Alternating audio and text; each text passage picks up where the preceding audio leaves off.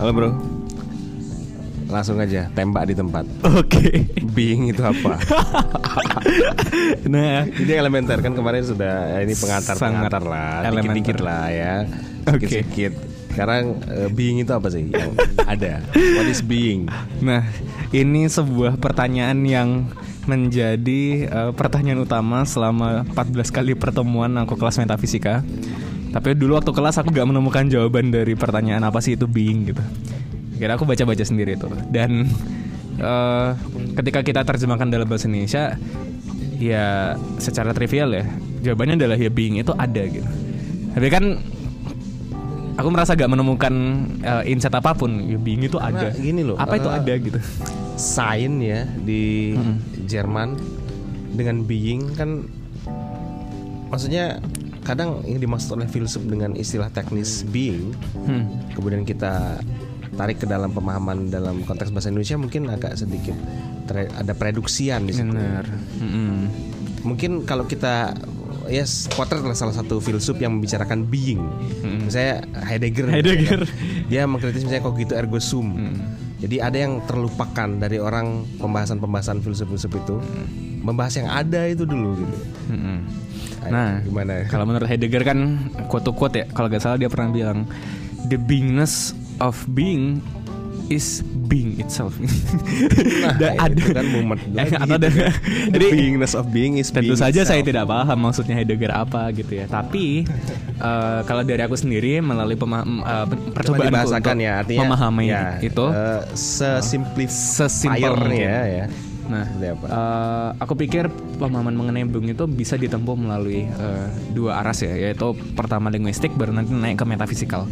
Karena memang Pertama, linguistik, linguistik, bahasa, terus kemudian ke metafisika. metafisika. Karena memang eh, bahasan metafisika itu gak bisa dilepaskan dari problem kebahasaan. Mengingat metafisika itu sifatnya abstrak dan bagaimana kita eh, mendiskusikan yang abstrak itu ya dengan bahasa. Maka bagaimana kita membahasakan yang abstrak itu aku pikir sangat penting untuk dibahas juga bahkan. Nah, aku, mencoba memahami meta eh, being atau ada itu seperti ini.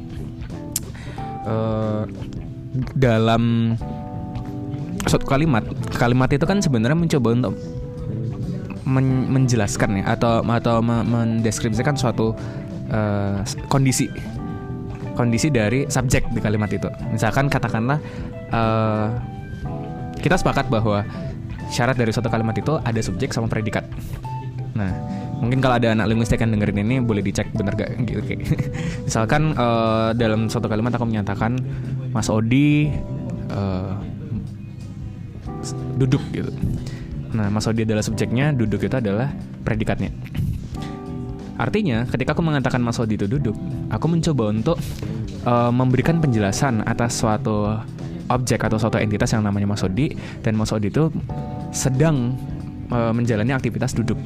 Maka aku menambahkan informasi baru terhadap entitas yang namanya Mas Odi tadi bahwa Mas Odi ini sedang duduk gitu.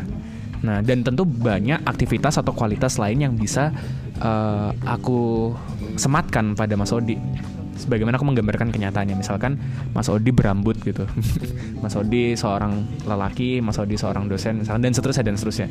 Banyak hal, eh, banyak cara untuk kita menjelaskan eh, atau mempredikasikan subjek gitu. Tapi di antara seluruh eh, bentuk predikat, menendang, berlari, tidur, berwarna merah, eh, lembut dan seterusnya macam-macam. Ada satu predikat paling dasar, paling umum.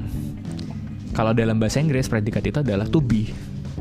Nah, itu kan bentuk eh, predikat paling dasar ya kalau kita belajar bahasa Inggris. Eh, is, are, eh, apalagi tuh, eh, am gitu ya. Ya kalau di Jerman misalnya Ya, eh, kayak bin, sin, zin, ya, eh, bin, sin, eh, dan Kemudian- so on and so on. Oke. ya, side itu iya. Side. Ya, oke, masih ingat. Oke, Ya, lanjut. Wir uns auf Deutsch sprechen, aber ya oke. Jadi eh, artinya apa? Artinya adalah dalam kita mengkategorisasikan kenyataan atau subjek tadi, ada suatu kategori paling dasar yang bisa kita sematkan pada subjek yaitu adalah to be atau dalam bahasa Jerman adalah sein atau dalam bahasa Indonesia itu eh, ada lah. Nah, lah gitu. lah itu kan kemudian sebenarnya eh, akhiran ya. Tapi kemudian kalau kita eh, bahasakan apa ya, kita gunakan sehari-hari kita menggunakannya umumnya sebagai kata ada. Artinya eh, saripati filosofis dari uh, bahasan linguistik tadi adalah uh, secara linguistik kan kayak yang tadi aku sebut, coba sebutkan kita mencoba untuk uh, melakukan kategorisasi atas kenyataan spesifiknya pada subjek dalam satu kalimat maka dari situ kita bisa punya uh, pemahaman bahwa uh, ada suatu kategori yang itu di share atau dimiliki oleh semua entitas. Dalam arti kayak gini misalkan contoh. Apa yang menyamakan antara aku sama Mas Odi? Kita sama-sama. Ada misalnya. Dari yang paling spesifik. Misalkan aku sama Mas Odi sama-sama manusia. uh, orang UGM misalkan. Oke. nah lalu apa yang menyamakan antara aku sama Mas Odi dengan katakanlah uh, mbak-mbak bartender di situ oh ternyata kita sama-sama manusia Hmm. apa yang menyamakan antara aku Mas Odi dan mbak-mbak bartender itu dengan uh, gelas yang aku pegang sekarang gitu Hmm. Ya, itu kalau kita tarik sampai paling ujung, maka kategori yang bisa kita sematkan pada segala hal itu adalah being atau ada. ada itu ya Nah, dan itu alasan kenapa eh, Heidegger itu bilang ya metafisika itu seharusnya menyelidiki being itu tadi sebagai objek kajian paling umum dari kenyataan gitu. Nah, Oke. itu maksudnya being secara filosofis. Nah, aku pikir Berarti kalau itu kita sama aja mencari satu senjata pamungkas untuk menjelaskan realitas. Benar. Satu kacamata umum, jadi menjelaskan. Jadi ini yang wajib ada dalam realitas atau berbeda.